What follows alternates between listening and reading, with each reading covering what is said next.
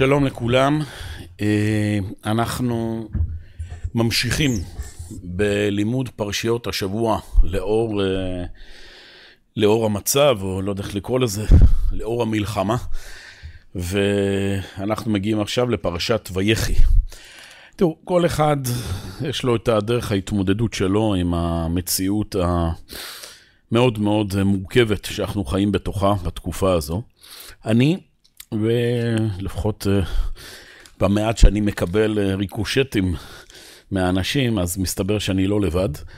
הדרך שאנחנו uh, מתמודדים עם המצב זה על ידי לימוד תורה בכלל ולימוד פרשיות השבוע בפרט. מנסים למצוא את טביעות האצבע של הקדוש ברוך הוא, את העקבות של אבותינו ואימותינו הקדושים, שלא במקרה, אנחנו בכל שנה קוראים את כל פרשה בזמן שלה, שמתוך הסיפורים הללו, מתוך דברי הנבואה הללו, אנחנו יכולים לקבל מעשה אבות סימן לבנים, מקבלים איזה קריאת כיוון. אז כאמור, זה מה שאנחנו עושים בחודשים האחרונים, וכאן אני רוצה שנשים לב, אלה שפה, אלה שעוקבים אחרי השיעורים הללו בא... באינטרנט, אנחנו למעשה מסיימים ספר ראשון בזמן מלחמה. המלחמה התחילה בפרשת בראשית, שמחת תורה, פרשת בראשית. והנה, לא האמנו, אבל uh, מסתבר, אנחנו מסיימים כעת את ספר בראשית. ואני לא זוכר כמה זה, עשר פרשיות, או לא יודע, חודשיים וחצי, שלושה. ואנחנו עדיין בתוך המלחמה, ועושה רושם שגם המלחמה הזו הולכת ללוות, ללוות אותנו לפחות לספר שמות, אם לא ליותר מזה. והדבר הזה, הוא מצד אחד יכול לגרום סוג של ייאוש. הנה, עובר הזמן והמלחמה, סופה עדיין לא נראה באופק. אבל, כמו שננסה ללמוד, קראתי לשיעור הזה נבואת הנחמה של המלחמה. אפשר גם להתנחם.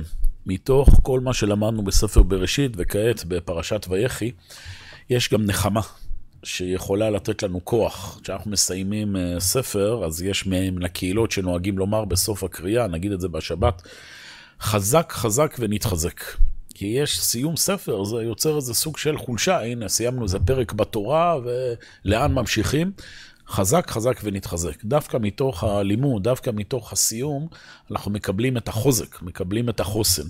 וכאמור, זה גם פרשת ויחי. פרשת ויחי, כאמור, היא הפרשה שחותמת את ספר בראשית, וכשאנחנו מסתכלים על ספר בראשית, בלי קשר עכשיו לתקופה שאנחנו נמצאים בה, אלא גם בכל שנה ושנה, אנחנו יכולים להתייאש. ספר בראשית זה הספר שפותח את התורה. בראשית ברא אלוקים, זה ספר הפתיחה של האנושות, ספר הפתיחה של עם ישראל.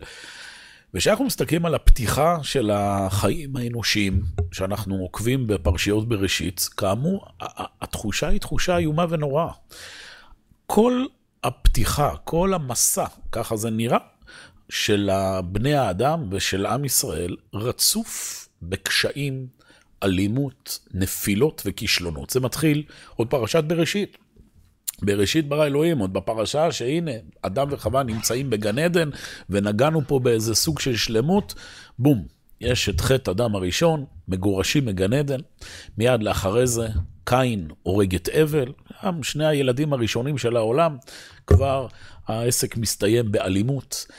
וזה ממשיך הלאה, פרשת אה, נוח, יש לנו מבול, והאנושות מאבדת את דרכה, מתבלבלת לה ונמחית מעל פני האדמה. אמרנו, אוקיי, בסדר, אבל הנה עכשיו יהיה עולם חדש, עם ברית, עם קשת בענן, נו, מגיע דור הפלגה. וגם שם אה, האנושות חוטפת את המכה שלה. ואז מגיע אברהם אבינו, פרשת לך לך, הנה אורו של עולם, מגיע אברהם, סוף סוף מישהו מתווה את הדרך, מתברר שהדרך של אברהם אבינו היא דרך שרצופה בקשיים וניסיונות. אם זה הניסיונות עם פרעה, ואם זה הניסיונות עם פלישתים, ואם זה הניסיונות בתוך בית אברהם, בסדר, נולד ישמעאל עם כל הסיבוכים שאנחנו ממשיכים עד ימינו אנו, יצחק. ואז אמרנו, טוב, אחרי סוף סוף, אז יצחק מתברר אה, שהוא הממשיך, אז עברנו את העקדה, הנה, אז עכשיו הולך להיות טוב. יצחק מוליד את יעקב ועשו, ומתחיל הסכסוכים בין הכוחות הללו. ואמרנו, אוקיי, סוף סוף הלך עשיו, אז יעקב אבינו עובר פיתולים בבית לבן, עם לבן, ועם אין סוף בעיות וקשיים. אז בתוך הבית שלו יש עכשיו את רחל ולאה ואת uh, יוסף ואחיו, כל הפרשיות האחרונות של ספר בראשית, הכל מלא לכאורה בהתנגשויות וקשיים בלתי נגמרים. וכאמור, כשאדם מסתכל על הדברים באופן הזה, ואני מקביל שוב לתחושות של רבים מאיתנו בימים הללו, מה יהיה הסוף? מה יהיה הסוף? יש כזה פסוק שהפך להיות סיסמה של, של תנועות השמאל בישראל, מי שעוד משתמש בפסוקים, אז על הנצח תאכל חרב, כן, זה מה שם שאבנר ויואב, שהם שם בספר אה, מלכים, שם, שם מסוכסכים, יהודה וישראל, על הנצח תאכל חרב, כמה, כמה יהיה מלחמות, לנצח. וכאן כאמור, פרשת ויחי דווקא מגיעה התקווה.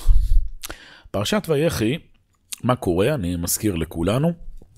ויחי יעקב, מתואר הימים האחרונים של יעקב אבינו. יעקב אבינו עומד למות, קורא ליוסף, ואז יש את הסיפור עם אפרים ומנשה, שיעקב מברך אותם ומקדים את אפרים לפני מנשה, ולאחר מכן כל בני יעקב מתאספים סביב מיטתו, והוא אומר לכל אחד מהשבטים, יאספו ואגיד עליכם את אשר יקרה אתכם באחרית הימים, יש שם תיאור מאוד ארוך, איזו נבואה עתידית, ואז יעקב אבינו נפטר וקוברים אותו בכבוד גדול בארץ ישראל. ובסופו של הפרשה, בסופה של הפרשה, האחים עוד מפחדים, אולי יוסף יתנקם, אומר להם, יוסף, אל תדאגו, למיכיה שלחני, כן, אני אדאג לכם וכולי, וסוף הפרשה זה שיוסף יוסף אה, עומד למות, והמסך, נקרא לזה, יורד מאחורי, ה, מאחורי התקופה הזו של אה, בית יעקב, יוסף ואחיו, ואנחנו בפרשה הבאה כבר נגיע לספר שמות, שאז מתחיל שיעבוד מצרים. וכאן חז"ל דורשים על המילה הראשונה, ויחי יעקב, נכון? פרשת ויחי, הסברנו כבר לאורך כל השנה הזו, שכל פרשה השם הוא לא מקרי. זה שעם ישראל בחר איזו מילה מסוימת שהיא תייצג את הפרשה, יש לזה משמעות. ויחי זה מילה אופטימית, חיים. שואלים חז"ל שאלה, מה זה ויחי יעקב? וימות יעקב. הפרשה הזו הרי מדברת על המוות של יעקב. כאילו, אם אני שוב ממשיג את זה לעולם שלנו. תראה מה קורה פה, הכל מת בסוף, הכל הפרשיות, כל ספר בראשית, כל המסעות, כל הפיתולים, בסוף מסתיימים ב... שיעקב אבינו מת. מה אתה ויחי? מה אתה פה מנסה לעודד אותנו? עונים חז"ל משפט שהפך להיות גם איזה סוג של סלוגן. יעקב אבינו לא מת. שואלים חז"ל, מה זה לא מת? הלא שפות ספדו וחנות חנתו, מה, אתה לא יודע לקרוא? בפרשה מתואר שם איך סופדים וחונטים אותו. ואז עונים חז"ל, שוב משפט שהפך לסלוגן, מה זרעו בחיים, אף הוא בחיים. זה התמצית, זו הנחמה של פרשת ויחי. מי שמסתכל על העולם הזה מצד ההווה, מצד המציאות הגלויה, הוא יכול באמת לקבל ייאוש. כולם מתים. הכל מת בסוף, אתם מבינים? זה במבט החילוני שהאדם מביט על העולם הזה. ולא רק מת במשמעות של אנשים מתים בגיל מסוים. כל דבר שאנחנו עושים בסוף מגיע לסופו. כל תקופה מגיעה לסופה, הישגים, אם שוב ניגע במקום שאנחנו נמצאים בו. בנינו פה איזו קונספציה מסוימת של ביטחון, של מדינת ישראל, של החברה, ובום, זה, זה מקבל מכה ועוד מכה, זה סוג של מוות, סוג של, של, של התמוטטות. מזרו בחיים, אף הוא בחיים. מי שמביט אל הדברים מצד הנצח, אתם מבינים? הוא רואה איך החיים לא מתחילים ונגמרים ב-70, 80, 90, 120 שנה שאנחנו חיים בעולם הזה. אלא יש דבר שנקרא מה זרעו בחיים, אף הוא בחיים. זרעו בחיים לא רק במשמעות של ילדים, משמעות של חותם. שאדם משאיר זרע בעולם הזה, אדם משאיר פוטנציאל של חיים, שהוא זורע אותו באדמה. הוא לא תמיד יראה את המימוש המלא שלו, אבל הוא נשאר חי לנצח. זה העמדה שאנחנו פה נמצאים בפרשת ויחי. מי שמסתכל על המלחמה הנוכחית, שוב, במשמעות של uh, הישגים מיידיים, של רצון, עוד פעם, שיהיה שלום ושלווה, לנצח נאכל חרב, אנחנו רוצים פה שקט ושלווה, נכון, הוא, הוא יכול לקבל ייאוש פה, אמרנו את זה כבר בשיעורים הקודמים, אני לפחות ככה מרגיש שמתוך מה שאני ממשש את הדופק הנפשי של הרבה אנשים שנמצאים במלחמה הזו, ש, שזה יותר ממלחמות אחרות. יש כאן איזו עמדה כזו של חלאס, כאילו כמה אפשר, כמה אפשר. זאת אומרת, אין זה, היו מלחמות בקום המדינה, מלחמת השחרור, היה פה מלחמה, אוקיי, מקימים פה משהו חדש, אז מלחמת העצמאות, מלחמת ששת הימים, גם היה פה את ה... את ה... מה שנקרא, את התקומה, את הכיבוש ירושלים.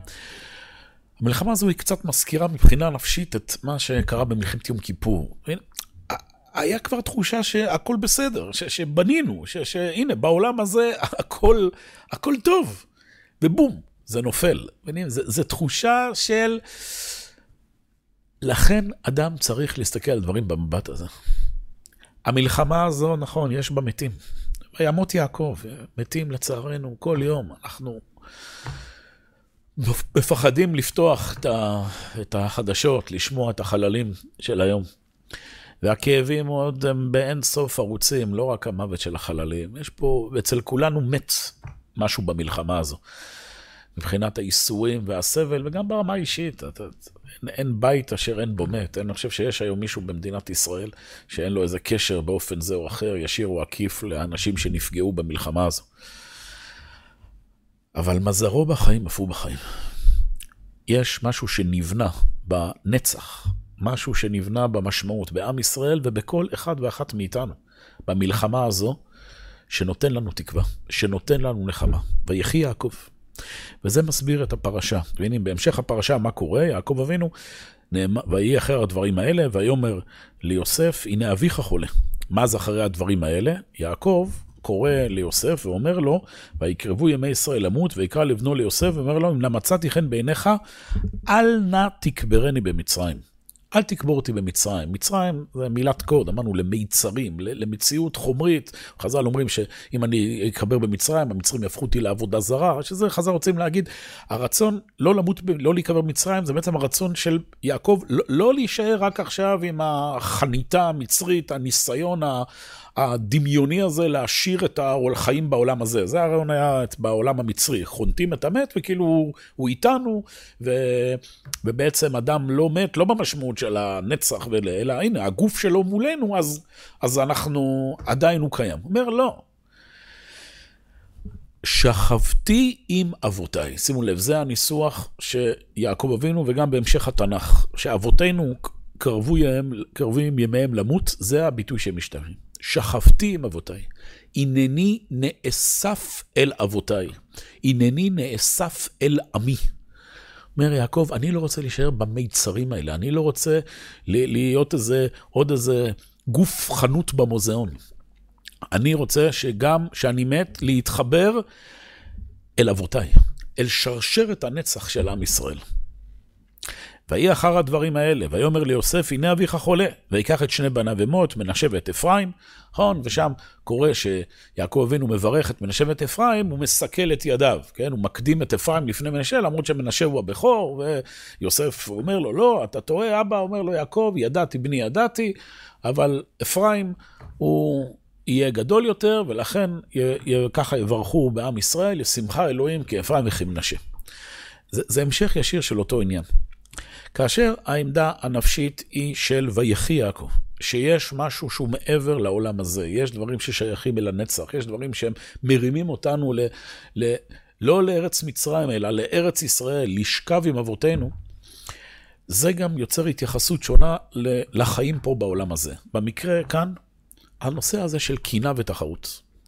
כן, חז"ל דורשים, למה לזה, זה הפכה להיות הברכה שעם ישראל אה, מברך את הילדים, שכר אלוהים כאפרים וכי מנשה. להגיד שבחם שלא כינו זה בזה, למרות שאפרים יכול לקנות במנשה, ומנשה יכול להתנשא על אפרים, לא כינו זה בזה, כן, לעתיד לבוא גם הוא חז"ל שגדעון בספר שופטים, הוא היה משבט מנשה. אז הוא הנהיג את עם ישראל שם במלחמה נגד בני מדיין, ואז היה איזה שלב שהוא רדף אחרי בני מדיין, והוא לא קרא לבני אפרים, סיבות אלה ואחרות. באו אליו בני אפרים והתרכזו אליו, כאילו, מה, אתה לא משתף אותנו? שוב, זה קטע של, אנחנו, אתה זוכר פה את הברכה, אנחנו, יש לנו תפקיד בעם ישראל, לשמחה אלוהים כאפם וכי מנשה, אנחנו עוד לפניך.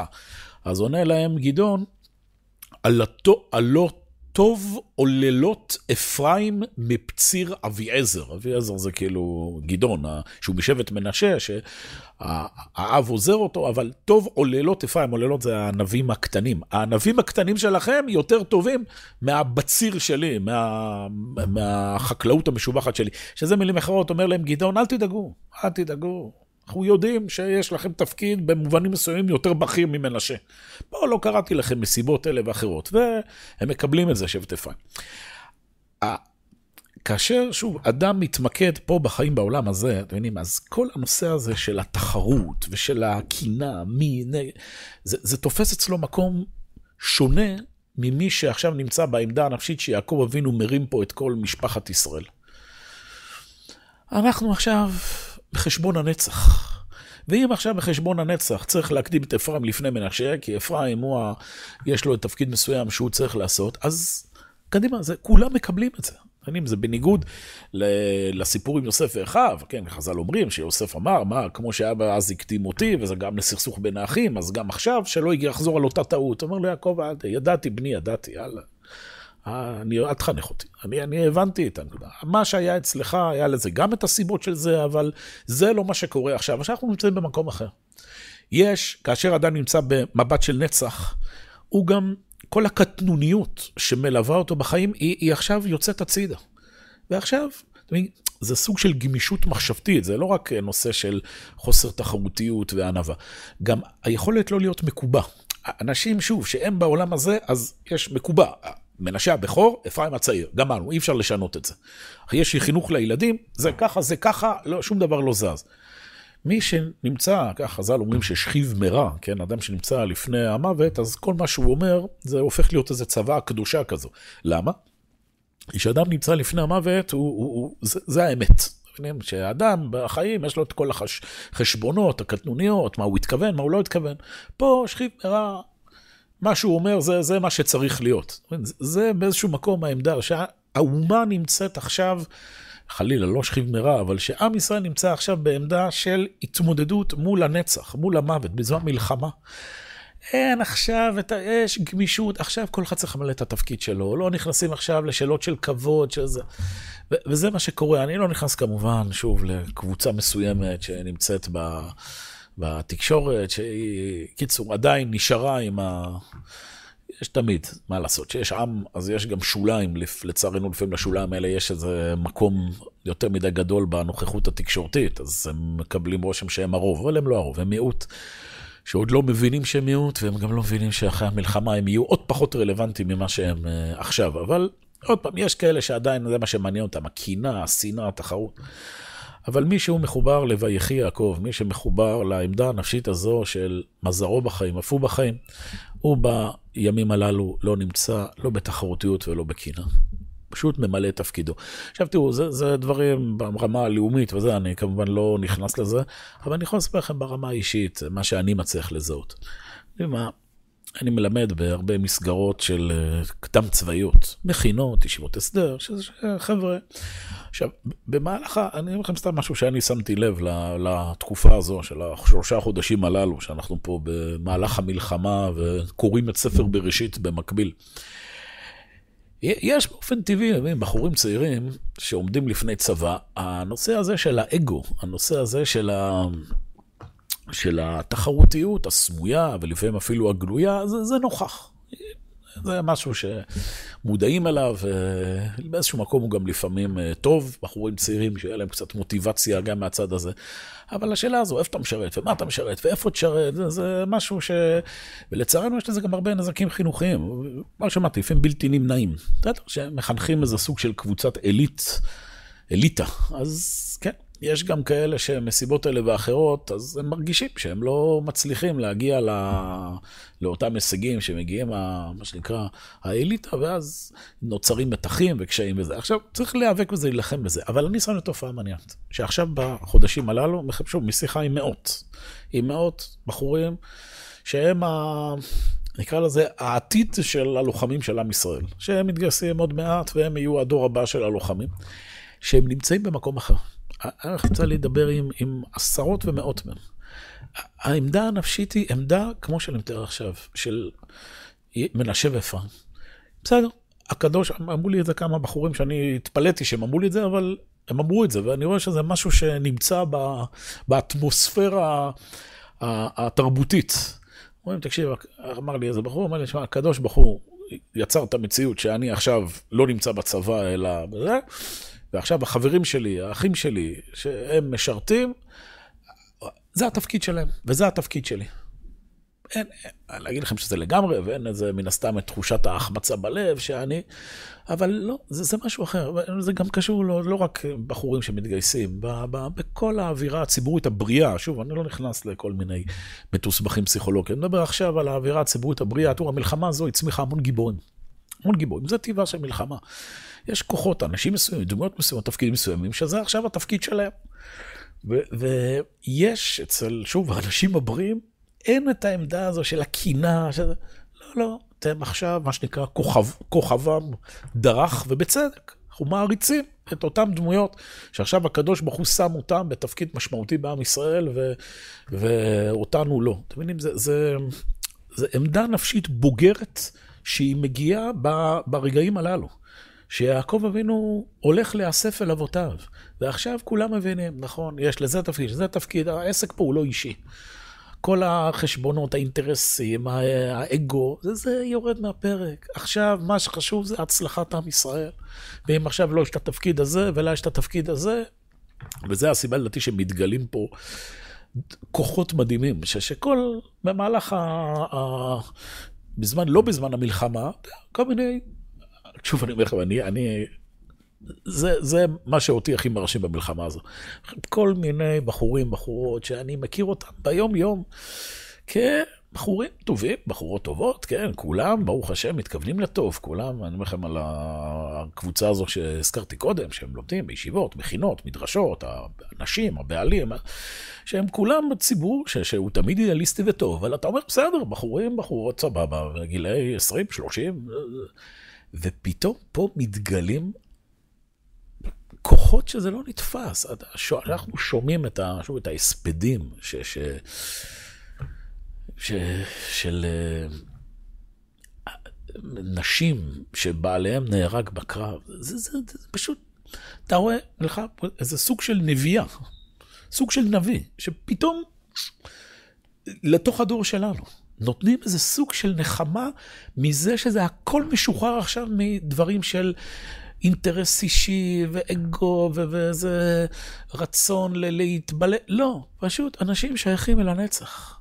נותנים את היקר להם מכל למען עם ישראל. זה, זה, זה דברים שהם קשורים, אתם יודעים, לעמדה הזו, וזה ימשיך הלאה. זה הנחמה, זה הנחמה של פרשת ויחי.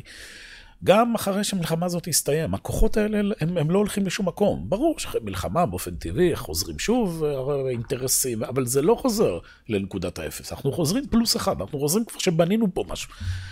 זה, אמרנו, הנקודה הראשונה שהולכת ומתבררת מתוך ויחי יעקב. אין פה עכשיו חשבונות אישיים, אין דברים, יש רק נצח. ואז זה ממשיך.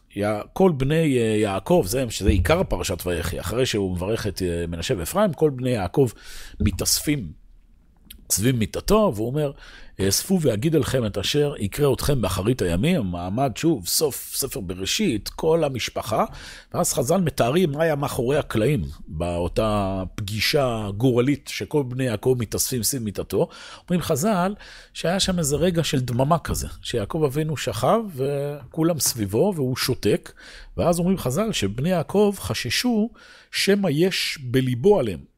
תראו, כמו שאמרנו, ספר בראשית, הפרשיות של האחים, זה השאירו פה צלקות. יעקב, כמו שגם נראה בברכות, יש פה כל מיני דברים שצריך לזכור פה חשבונות ממה שהיה.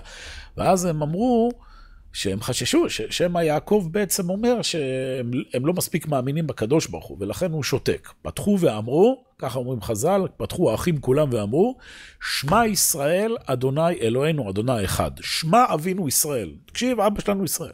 כשם שבלבך אינו אלא אחד, כך בליבנו אינו אלא אחד. פתח יעקב ואמר, ברוך שם כבוד מלכותו לעולם ועד. זה המקור שאנחנו אומרים קריאת שמע באופן הזה. אומרים האחים ליעקב, אל תדאג, שוב, אנחנו כולנו נמצאים פה עכשיו פרשת ויחי. אתה מכיר אותנו עם כל הבעיות, כל הזה, היה לכל אחד את הסיפור שלו. אבל עכשיו בליבנו אינו אלא אחד. הכל מתחבר, אתם מבינים? זה, זה פרשת ויחי. כל המעגלים נסגרים, כל הסכסוכים, כל הבעיות, הכל הולך ומגיע אל האחדות. לכבוד מלכותו לעולם ועד. עכשיו, זה לא שזה, בזה הסיפור הסתיים. אחרי פרשת ויחי אנחנו מתחילים ספר שמות, ומתחיל שיעבוד מצרים, ושיעבוד מצרים, עם ישראל נכנס למ"ט שערי טומאה, ואחרי שהוא נגאל ממצרים, יש לנו את כל ספר שמות, ויקרא, במדבר, דברים עם בעיות וכישלונות. שוב, שום דבר לא, נס, לא נסגר באופן שהבעיות נגמרו, אבל יש רגעים מסוימים בחיים. יש רגעים מסוימים של פרשת ויחי, יש רגעים מסוימים של רגעים מכוננים בחיים של האומה, בחיים של כל אחד ואחת מאיתנו, שהוא, מה שנקרא, יש פה איזה ניצוץ בשלמות, באחדות. זה מה שקורה עכשיו. מי שכמובן יש לו את האוזן להקשיב, זה לא ימים רגילים. כולנו בליבנו אין על האחד. זה, זה, זה המצב שלנו עכשיו.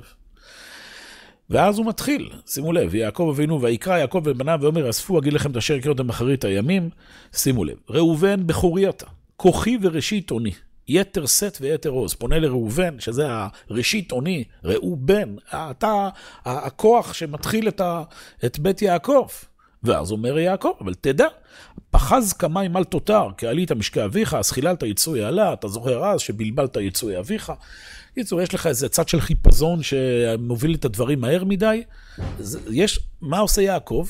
לא, לא שולל את, ה, את, ה, את, ה, את ראובן. ראובן, שוב, הוא, הוא נמצא סביב מיטתו של יעקב, והאבן שלו, כן, חז"ל אומרים, היא תהיה בחושן, כאילו אף שבט לא הולך לשום מקום.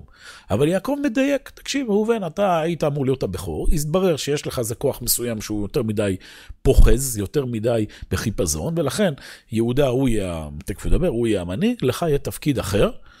וראובן מקבל את זה. אתה מבין, ראובן לא עונה, לא, לא, הרי ראינו בפרשיות הקודמות שראובן רצה משהו מיעקב, הוא, הוא התווכח איתו חבל הזמן. הוא הכניס את המיטה של שם בלבל יצואי אביו, וגם הסיפור שם עם בנימין, הוא בא ל, ליעקב, אומר את שני בניי תמיד, כאילו הוא מנסה, אתה רואה שראובן היה לו את ה-say שלו, מה שנקרא, במהלך השנים. אבל פה, ליד מיטתו של יעקב, אבא אומר, אין בעיה, מקבל את המקום שלו ושמח בחלקו. ואז זה ממשיך, שימו לב, שמעון ולוי, אחים, כלי חמאס מכורותיהם, בסודם על תבוא נפשי, בקהלם על תחת כבודי, כי באפם הרגוי שברצונם יקרו שור. טוב, אז הנה, לכאורה תגיד, מה, מה, מה זה פה, זה המילים האחרונות שהשמעון ולוי ישמעו מיעקב, ש, ש, שהם לא בסדר? יעקב, שמע, שמעון ולוי, כמו שאמרנו, יש לכם את הכוח שלכם, יש לכם את העוצמה שלכם, אבל אתם, כשאתם ביחד, אתם עושים דברים בצורה מהירה מדי, בסדר, עם שכם, מה שעשיתם וכולי. ארור אפם כי עז וברתם כי קשתה, אבל מה התיקון שלכם? אכלכם ביעקב ואפיצם בישראל. אני לא עכשיו מוחק אתכם, את שמעון ולוי. אלא אתם צריכים להיות מפוזרים. אומרים חז"ל, שמעון הם מלמדי תינוקות בישראל, ולוי בכלל, לא הופך להיות הלוויים, בהמשך שבט הכהונה, זה הולך להיות השבט שגם אה, יש לו תפקיד בעם ישראל, להתפזר ברחבי, ה... אין להם נחלה, אלא מסתובבים ברחבי ישראל, ומלמדים תורה, ומחנכים, ומרימים רוחנית. ברגע הזה של אנחנו ניצבים פה לפני מותו של יעקב, כל כוח מקבל את המקום שלו. עם הביקורת, זה, זה מה שאני מנסה פה לחדד. התמונה שיש לנו בראש של נחמה, כי אמרתי, נחמה זה המלחמה, מה זה נחמה? נחמה זה אומר שזהו, הכל יסתדר, הכל טוב, אה, אמרנו, כל המעגלים נסגרים, נכון, אז זהו, אין יותר מלחמות, יש שלום, הכל טוב ואין בעיות. לא. העמדה הנפשית של הנחמה היא שיש פה כוחות שונים ויש פה דברים שצריכים להתברר ועוד יתבררו וכולי, אבל הכל מתחבר אל הנצח, ואז הכל מקבל את הפרופורציה המתאימה שלו. יש כוחות, כמו שדיברתי קודם, יש כוחות במלחמה האלה שמתבלטים, ויש כוחות שנחלשים, ואומרים אנחנו פה רק בתחילת הדרך. יהיו הרבה שינויים פה בלוח אה, שחמט, נקרא לזה, ביחסי הכוחות בעם ישראל. המון דברים, הרבה גם כוחות שבטוחים שהם... שהם, אה, שהם נמצאים במקום מסוים, מתברר להם שהם במקום אחר. לא עכשיו, זה תהליך של לפעמים עוד 20 שנה, זה גלי ההדף יש לנו. והפוך, כוחות שהיו מוצנעים עד עכשיו, הם עכשיו אה, יקבלו את שלהם, והכל בסדר גמור. מי שמחובר אל ויחי יעקב. בסדר, זה התפקיד שלי, אני עכשיו צריך להתפזר, אני צריך להיות במקום אחר. הלאה, יהודה, אתה יודוך אחיך, ידך באויביך, ישתחוו לך בני אביך. יהודה, כמו שזכור ליהודה, גם היה את הסיפור שלו, עם תמר, עם, עם, ה, עם הכישלונות שלו, אבל יהודה הקים עולה של תשובה, בסדר, הוא חוזר בתשובה. את יהודה, מלשון אתה יודוך אחיך, יודע להודות על האמת. גור אריה יהודה, מטרף בני עלית, אתה זה שתהיה הכוח הפורץ המוביל את עם ישראל. לא יסור שבט יהודה ומחוק בין רגליו, עד יבוא שילה, המשיח, ולא היכה תמים, אוסרי לגפן עירו. ולסוריקה בני אתונו, כן, אתה אוסרי, תאסור, אתה תקשור את, ה, את העיר שלך, את החמור שלך לגפן, ואת הסוריקה, גם סוג של איזה גפן צעירה כזאת, אתה תקשור את האתון, במילים החומריות, את האתון, את העיר, את ה... כן, חמור, אתה תחבר אל המציאות הפנימית של היין, יין זה נוזל פנימי, לא ניכנס פה עכשיו לכל הדיוקים בכל אה, מילה, זה הכל רעיונות עליונים, נבואות, שיהודה יחבר את המציאות החומרית על המציאות הרוחנית. ואז כיבט ביין לבושו ודם ענבים סוטו, אתה תראה איך היין, הנוזל הפנימי שלך, ילך ויכבס את כל הבעיות, את כל הקשיים. הלאה, זבולון לחוף ימים משכון הוא ולחוף אוניות וערכתו על צידון. לזבולון יש תפקיד אחר, הוא נמצא על חוף הים. בסדר, הוא הצי הסוחר של עם ישראל, ויש לו גם תפקיד. חז"ל אומרים שהתכלת שנעשה מהחילזון, כן, שצובעים בזה את הציצית, זה נמצא בחוף של זבולון. אז הנה, גם מישהו שהתפקיד שלו לשאת את ה... אה, לקחת למסחר וכולי, יש לו את החיבור שלו אל הקודש. יששכר, חמור גרם, רובץ בין המשפטיים, יששכר הוא זה שהיא עם התורה, יש עליו את ה... את ה... כן, את ה... כמו חמור גרם, כמו זה שנושא מסע, ככה, ויית שכמו לסבול, ויהי למס עובד, ויש הסכם בינו לבין זבולון, זבולון ויששכר, זבולון מפרנס אותו, יששכר זה שלומד תורה במקומו. שוב, כל אחד בעם ישראל יש לו את התפקיד שלו. יש גם דברים כאלה, יש כאלה שתפקיד שלהם ללמוד תורה בעם ישראל, יש כאלה תפקיד שלהם להיות סוחרים, תפקיד להיות לוחמים. אתה רואה, נכנס פה עכשיו כל אחד מה, מה עניינו. אבל הרעיון הזה שמתוך החיבור אל הנצח, כולם מקבלים את המשמעות שלהם. דן ידין עמו כאחד משבטי ישראל, ידע נחש על עדר, שפיפון על האורח, הנושך עקבי סוס, ויפול רחבו אחור, לישועתך קיוויתי אדוני. חז"ל אומרים שיעקב אבינו ראה אז את שמשון, או שהוא יצא משבט דן, שהוא עומד שם בין... בן שם בבית אה, פלישתים, והוא מתפלל, חזקני נא רק הפעם, האח האלוהים, לישועתך קיוויתי השם, ומפיל. דן, יש לו תפקיד, דן זה שבט כזה, יש פה איזה סוג של אה, אלימות, אה, דן, לדון דין. יש לו גם את המקום שלו, שהוא ינשוך עקבי סוס, הוא יפיל את החומריות של הגויים.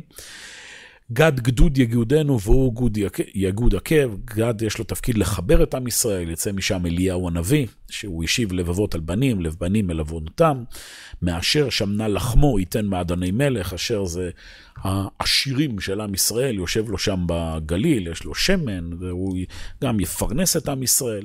נפתלי איילה שלוחה הנותן אמרי שפר, מי שמחבר, נפתלי מחבר... אה, רץ, כן, כמו איילה שלוחה, ומחבר בין הכוחות השונים בעם ישראל, וכמובן בן פורת יוסף, דיברנו הרבה בפרשיות האלה על הכוח של יוסף. בן פורת יוסף, מלשון פרייה ורבייה, מי שככה מסוגל לנהל את העולם הזה. אה, עלי עין, כן, הוא מעל העין, הוא לא מושפע מכל העין הרע שנגדו. בנות צעדה על אישור, למרות שכל הבנות, כאילו, כולם מעריצות אותו, הוא כאילו הדמות שמוצאת חן בעיני כולם, ויש לו המון סיכויים ליפול וזה. הוא מעל הדברים הללו, למרות וימרו ורבו ויסתמו בעלי חיצים, יש המון מתנגדים לכוח של יוסף, למשיח בן יוסף, דיברנו על זה. לא פשוט לנהל את העולם הזה, לא פשוט לנהל את מצרים. ותשב באיתן קשתו, הוא, הקשת שלו נמצאת איתנה, ויפוזו זרועי ידיו, כן, הידיים שלו זה כמו פז, כמו זהב, יש לו ידי זהב ליוסף, הוא, כל דבר שהוא נוגע בו, הוא מצליח, כל אשר הוא עושה, השם מצליח בידו. משם רואה אבן ישראל, חזר דורשים, אבן, אב ובנו אשר בנו שלהם בית ישראל. יש כאן איזו אמירה, מה התפקיד של יוסף באחרית הימים. ובסוף בנימין זאב יטרף, בבוקר יאכל עד ולערב יחלק שלל. בנימין, צריך להבין גם מה התפקיד שלו, הוא שבט כמו זאב שמגיע ככה בסוף לטרוף את השלל. לבנימין יש תפקיד להגיע ברגעים שעם ישראל נמצא באיזה משבר והוא מגיע באופן זמני לפתור אותו, ככה זה שאול משבט בנימין שצריך להצ... לב...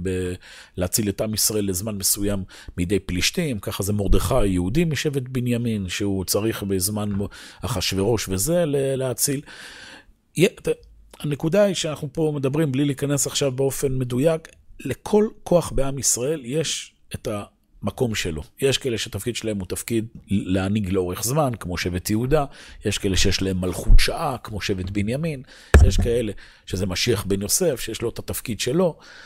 היכולת הזו, אני חוזר למה שדיברנו פה בהתחלה, היכולת הזו, מתוך המבט של ויחי יעקב, המבט של הנצח, היכולת הזו לראות את התמונה השלמה, לסגור את כל המעגלים, אין קינה, אין תחרות, כשם שבלבך אינו על האחד, כך בליבנו אינו אל האחד. כולם מוצאים את מקומם בתוך הדבר הגדול הזה שנקרא עם ישראל. ואז, שימו לב, זה המשך הפרשה, אנחנו פה ככה בתמצית. מה קורה המשך הפרשה? אחרי שיעקב אבינו נפטר, שימו לב, לא רק כל בני ישראל, לא רק כל האחים מתכנסים סביב מיטתו. כל העולם כולו. יעקב אבינו נפטר, ואבל כבד למצרים. יודעים, יש פה איזה, יעקב אבינו, המוות של יעקב אבינו מכה גלים בכל ארץ מצרים, במקום הטומאה, במקום המופרעות, פרעה, הוא גם אבל, כולם אבלים על מותו של יעקב. עד כדי כך שהכנעני יושב הארץ, כן, ויבואו עד גורן האטד שם במסע, הלוויה, וכל בית יוסף ותיכה וכולי, עזבו את ארץ גושן, ורכב ופרשים, ויהיה מחנה כבד מאוד, כולם במסע הלוויה של יעקב למערת המכפלה, ויבואו עד גורן האטד אשר בעבר הירדן, ויספדו שם מספד גדול וכבד מאוד, ויעש לאביו אבל שבעת ימים, וירא יושב הארץ הכנענית האבל בגורן האטד, ויאמרו, אבל כבד זה למצרים. כל העולם כולו קורע ומשתחווה ליעקב. אומרים חז"ל שבאו כל מלכי מזרח ומערב ושמו כתריהם על ארונו של יעקב. יש איזה רגע קטן, אם זה מה שדיברנו לאורך כל השיעור הזה. כל ספר בראשית מלא בסכסוכים, במאבקים, במלחמות, ושוב, יש את התחושה הזו של הייאוש, לאן כל זה הולך? לאן הכל פה בסוף רק מוות? הכל, מה יהיה עם המלחמה הזו? מה יהיה עם, ה, עם כל המוות וה, והכאבים? זה לא נגמר אף פעם. נכון, יש תהליכים שהעולם עובר, ותהליכים קשים וארוכים, אבל יש לנו מדי פעם איזה הבלחה. אתה מבין? יש לנו מדי פעם איזה רגע של נחמה. שהעולם כולו לשנייה מכיר, וואו, כמו איזה ברק שמבריק באמצע הלילה חשוך. יעקב אבינו, יש איזה אמת שהעולם צריך להגיע אליה. גם המלחמה הזו, יש איזה צד מסוים, שוב, הברקה מסוימת שגם המלחמה הזו נותנת את הדבר הזה. המלחמה הזו, זה דברים שעוד יתבררו לדורות, אבל המלחמה הזו היא, יש כוחות בעולם הזה שהמלחמה הזו עזרה להעיר אותם, ולו באופן זמני. לקבל שוב פרופורציה על הטוב והרע בעולם. היה כמה שאנחנו אוהבים תמיד להעמיד ובצדק שהעולם נגדנו, וכל הדגש של הדברים הרעים שאומות העולם צבועים והם לא מסייעים, זה נכון, אבל יש גם כוחות מסוימים שבזכותם עם ישראל עכשיו מצליח להיאבק. חסידי אומות העולם ברמה זו או אחרת. שגם מלחמה מהסוג שלנו מול הרשע הזה, שעכשיו אנחנו ניצבים מולו, זה עורר אותם טיפה ל... לשים כתריהם על ארונו של יעקב. חיבור קצת אל הנצח. זה דברים שצריך להעריך אותם, זה חלק מהנחמה. ככה יעקב אבינו נפטר. חז"ל אגב אומרים שאפילו עשו באופן מעוות ועקיף השתתף בלוויה של יעקב, כן? חז"ל דורשים שברגע שבאו כולם לקבור את יעקב במערת המכפלה, אז היה, מערת המכפלה הייתה סגורה, היו צריכים שם את המפתח. והסתבר שבא עשו, וכאילו הוא עוצר ואומר, אתם לא... אה, כן, ואז שלחו את, אה, אה, לא מפתח, סליחה, היה צריך שם איזה שטר קניין. הגיע, עמד עשו, פתאום מגיע עשו, ועומד שם בפתח למערת המכפלה, ואומר, אתם לא קוברים, כי מערת המכפלה שייכת לי, אני, יש שם עוד מקום אחד, יש שם אדם וחווה, יצחק ורבקה, אה, לאה, ואני עכשיו, הקיצור, זה צריך להיות אה, מספר זוגי, שישה, אז אני השישי ולא יעקב, כי אני הבכור. זה אמרו לו, אבל אה, אתה מכרת את הבכורה ליעקב. אמר, יש לכם הוכחה לזה? אז שלחו מהר את נפתלי שילך למצרים להביא את שטר המכר. כן, זה הכל ביטויים ציוריים של חז"ל. להגיד שהיה פה איזו התקוממות של עשו, הכוח העשוי לא נותן, שוב, לקבור את יעקב, לא מכיר במקומו של יעקב. ואז מסופר מה קרה. היה שם דן בן חושים. אמרנו, דן זה השבט ה... הערסי של עם ישראל, כאלה כאלה שם. דן בן חושי, אומרים חז"ל, שהיה אה, חירש, כאילו בלי חושים, אחד כזה שלא לא כל כך מבין מה קורה סביבו, והוא פתאום בא ומתעורר כזה ורואה שכולם עומדים, והגבייה של יעקב מוטלת בביזיון, ועומד שם עשו הבריון ולא נותן לו להיכנס. אומרים חז"ל, עשה, בא וכרת את ראשו של עשו. זה ביטוי כזה, שיש איזה כוח בעם ישראל, אמרנו, דן זה השבט שלא דופק חשבון, נו, יאללה. עושה את מה שצריך לעשות, אחרי זה אנחנו אומרים לו, נו, נו, נו, זה לא בסדר, נעשה לך אה, משפט בינלאומי, אבל הוא היה צריך לעשות את מה שצריך לעשות, והראש של עשו בסוף נקבר יחד עם מערת המכפלה. מה שחז"ל רוצים להגיד בכל הביטויים הציוריים הללו, שבסופו של דבר, אפילו הכוח העשוי, הכוח המושחת ביותר בעולם, הראש שלו, הצד העליון שלו, הצד הרוחני שלו, גם לא יש איזה מקום במערת המכפלה. מה שאמרנו, פרשת ויחי, סוף ספר בראשית, זה כל המעגלים נסגרים. בסוף, הכל מוצא את המקום שלו כחלק מהחשבון הנצח, ואז מסתיימת פרשת ויחי. איך מסתיימת פרשת ויחי? דבר ראשון, האחים שעוד לא לגמרי קלטו את המציאות החדשה, הם באים אחרי מותו של יעקב ואומרים ליוסף, תשמע, עד עכשיו יעקב אה, שמר עלינו, עכשיו זה הזמן, אנחנו מפחדים, אתה עכשיו תתנקם בנו. אומר יוסף, אתם לא, איפה אתם חיים? נראה לכם שזה מה שמעניין אותי עכשיו. אתם לא קלטתם עוד שאנחנו במלחמה, נכון? אתם עוד בקטע של לפני השביעי לאוקטובר, אתם עוד בחשבונות, קטנוניות. אנחנו עכשיו נמצאים בעולם אחר, בעולם של הנצח, בעולם של עם ישראל, נראה לכם. אתם שלחתם אותי, אתם חשבתם לרעה, והקדוש ברוך הוא חשב לטובה. אני מסתכל על הדברים במבט העליון, המבט של הנצח, מה אתם דואגים? אני אחלחל אתכם פה, הכל יהיה בסדר. ואז, אחרי שגם האחים נרגעים, איך מסתיימת פרשת ויחי?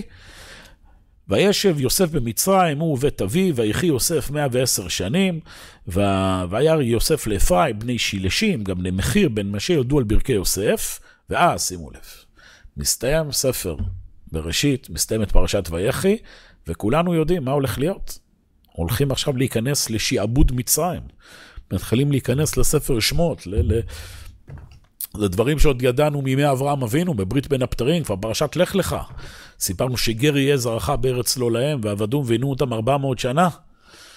אומר להם יוסף לעם ישראל, לפני שנייה לפני שאתם יורדים, לפני שהמסך יורד, מה שנקרא, לפני שעבוד מצרים, אומר להם את שתי המילים. ויאמר יוסף אל אחיו, אנוכי מת. שוב, אני מתים, כולנו יודעים, אנחנו פה, כל אדם מת בסוף. אז מה יהיה? אלוהים פקוד יפקוד אתכם. פקוד יפקוד, זה אומרים חז"ל, היה מילות הקוד שמשה, שהוא בא לגאול את עם ישראל, זה היה הסימן לעם ישראל שהוא הגואל. פקוד יפקוד. יוסף, תדעו לך, הולך להיות ימים לא פשוטים. הולך להיות אימה חשיכה. אתם יודעים שנאמר שאברהם אבינו רואה את תרדמה ואימה חשיכה נופלת עליו, יש סיבה למה אברהם אבינו היה לו אימה וחשיכה. יש סיבה למה יוסף צריך להגיד לעם ישראל פקוד יפקוד. יש סיבה שיעקב אבינו אומר אל תנקברוני במצרים, יש סיבה.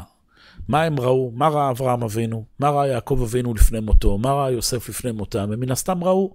הם ראו את שיעבוד מצרים. הם ראו את חורבן בית ראשון. הם ראו את חורבן בית שני. הם ראו את הפרעות בגלות. הם ראו אינקוויזיציה. הם ראו את השואה. הם ראו את מלחמת יום כיפור, והם ראו את הטבח בשמחת תורה תשפ"ד. הם יודעים כל מה שהולך להיות. אנחנו פה לא, מי שחי בעמדה, אני חוזר פה מה שאמרתי, המשפט הראשון בתחילת השיעור. ומי שחי בעמדה ש, שהחיים מתחילים ונגמרים בעולם הזה, אז הוא, הוא רואה את כל הכאבים, הדמעות, הנערות הדם שיישפכו במהלך ההיסטוריה, והוא אומר, וימות יעקב, מה ויחי יעקב, מה, הכל פה מיואש, מה נשאר לנו? אבל יוסף הוא נביא הנחמה. פקוד יפקוד אלוהים אתכם. בסוף הישועה מגיעה. והכל הולך וצומח מתוך הכאבים ומתוך הדמעות. פקוד יפקוד אלוהים אתכם, והעלה אתכם מן הארץ הזו, אל הארץ אשר נשבעתי לאברהם, ליצחק וליעקב. וישבע יוסף את בני ישראל לאמור, פקוד יפקוד אלוהים אתכם. הוא חוזר, פקוד יפקוד אלוהים אתכם. ועליתם את עצמותיי מזה. אני, העצמות שלי הם כלום. לא זה מה שמעניין, כמו שיעקב אומר, מה אני לך, העצמות, אני חנוץ, זה, זה מה שמנחם אותי. מנחם אותי שאני אבוא לארץ ישראל, שאני אעלה איתכם, שאנחנו בסופו של דבר נצלח את הכול. כמו שאמרתי לכם, זה נבואת הנחמה של המלחמה הזו. בימים הללו, אנחנו מסיימים את ספר בראשית. כל ספר בראשית לוותה במלחמה. והמלחמה הזו גם כנראה הולכת להימשך לפחות לאורך ספר שמות, אם לא יותר מזה. מתפללים שזה יהיה כמה שיותר מהר וכמה שיותר, פחות כאבים. אבל יש פה שעבוד מצרים, יש כאבים שהיו ויש כאבים שעוד לפנינו. פקוד יפקוד אלוהים אתכם. זה הנחמה שאנחנו זקוקים בימים הללו. כפי שציינו, יש גם אנשים שזה התפקיד שלהם. אתם יודעים, יש בעם ישראל נביאי חורבן ונביאי נחמה. נביאי חורבן במשמעות הטובה, זה כמו בימי בית ראשון את הנביא ירמיהו, שהתפקיד שלו היה לה, להתריע, תדעו, שיכול להגיע חורבן. אם נקביל את זה לימינו, יש דמויות בעם ישראל שהתריעו על האסון שחלילה התרחש אצלנו. לא חלילה, התרחש אצלנו. אנשים שהזהירו, שכל הקונספציה הזו של, ה... של השלום עם הערבים וזה, היא תתפוצץ בפנים. נקווה שעכשיו הקולות שלהם יישמעו יותר ברמה מאשר, מאשר קודם. אז יש נביאי חורבן, ויש נביאי נחמה. הנביא זכריה למשל, מה התפקיד שלו? התפקיד שלו להתייצב בחורבן ולהגיד, והיה צום הרביעי וצום העשירי, יהיה לבית יהודה לששון, שמחה ולימים טובים. יש גם כיום תפקידים של נביאי נחמה. דמויות שהזכרנו, לא את השמות, אבל אמרנו, יש דמויות שמתגלות עכשיו, של גיבורים, גיבורות, אלמנות, אימהות שכולות, שהם משמיעים קול שזה כמו יוסף. מה שהם באים להגיד, פקוד יפקוד אלוהים אתכם. יש קושי, יש כאב, יש מוות, אבל מתעלים מהמציאות של הרגע אל המציאות של הנצח. תקשיבו, עכשיו יש נשמעים הספדים ברמה בכל מיני מקומות. להקשיב טוב ולקבל נחמה, ואז ויחי יעקב. יעקב אמינו לא מת, עם ישראל לא מת, עם ישראל חי, ואנחנו ניכנס לשעבוד מצרים ונצא גם משם, בגאולת מצרים, בעזרת השם. נעצור כאן.